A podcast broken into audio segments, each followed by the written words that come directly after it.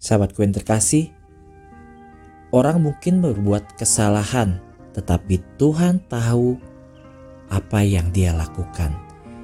Kamis 11 November bacaan Injil diambil dari Lukas 17 ayat 20 sampai dengan 25.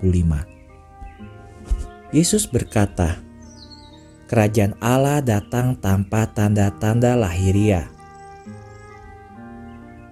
Tidak ada yang bisa mengatakan lihat dia ada di sini atau dia ada di sana.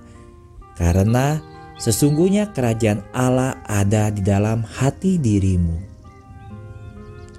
Dan dia berkata kepada murid-muridnya, harinya akan datang ketika kamu akan berhasrat untuk melihat salah satu dari hari-hari anak manusia dan kamu tidak akan melihatnya. Dan mereka akan berkata kepadamu, lihatlah dia ada di sana, lihatlah dia ada di sini. Jangan pergi ke sana dan jangan datang. Tetapi dia harus menanggung banyak penderitaan terlebih dahulu dan ditolak oleh kekuatan ini. Sahabat, saat ini kita semakin dekat dengan akhir tahun liturgi. Selama hari-hari ini Injil Misa akan mengingatkan kita tentang kedatangan kedua Tuhan kita dan menjelaskan beberapa hal yang akan terjadi sebelumnya. Salah satunya adalah kebingungan yang disebabkan oleh nabi-nabi palsu Iblis sangat ahli dalam berdusta yang mencoba menabur kebingungan di antara murid-murid Yesus. Ada cerita sahabat dalam perlombaan berlayar transatlantik satu tim menggunakan strategi berpura-pura menjadi tim pantai lawan mereka, mengirim mereka informasi yang menyesatkan di radio mereka. Taktik itu ternyata berhasil karena perahu-perahu lain secara otomatis mengikuti instruksi mereka dan mendapati diri mereka benar-benar tersesat. Tetapi tahun berikutnya sesuatu yang sangat berbeda terjadi. Tim yang lain tidak percaya instruksi radio apa pun dan memilih untuk tidak mengikutinya. Jadi sahabat mereka tersesat lagi.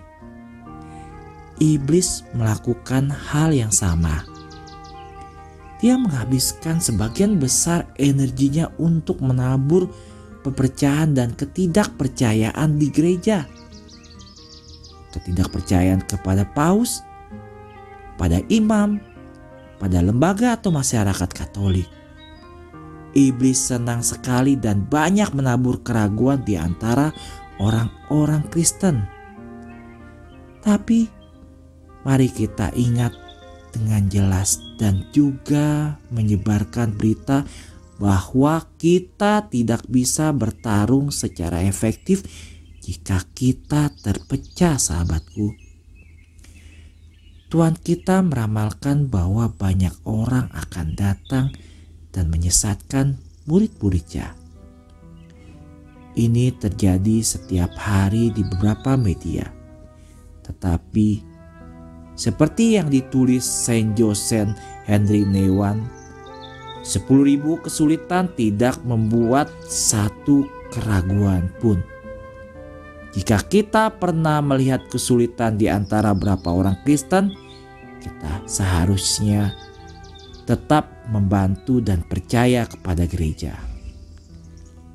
Maria, Bunda Gereja, semoga saya bisa menjadi alat persatuan. Bunda Maria harapan kita dan tata kebijaksanaan, doakanlah kami.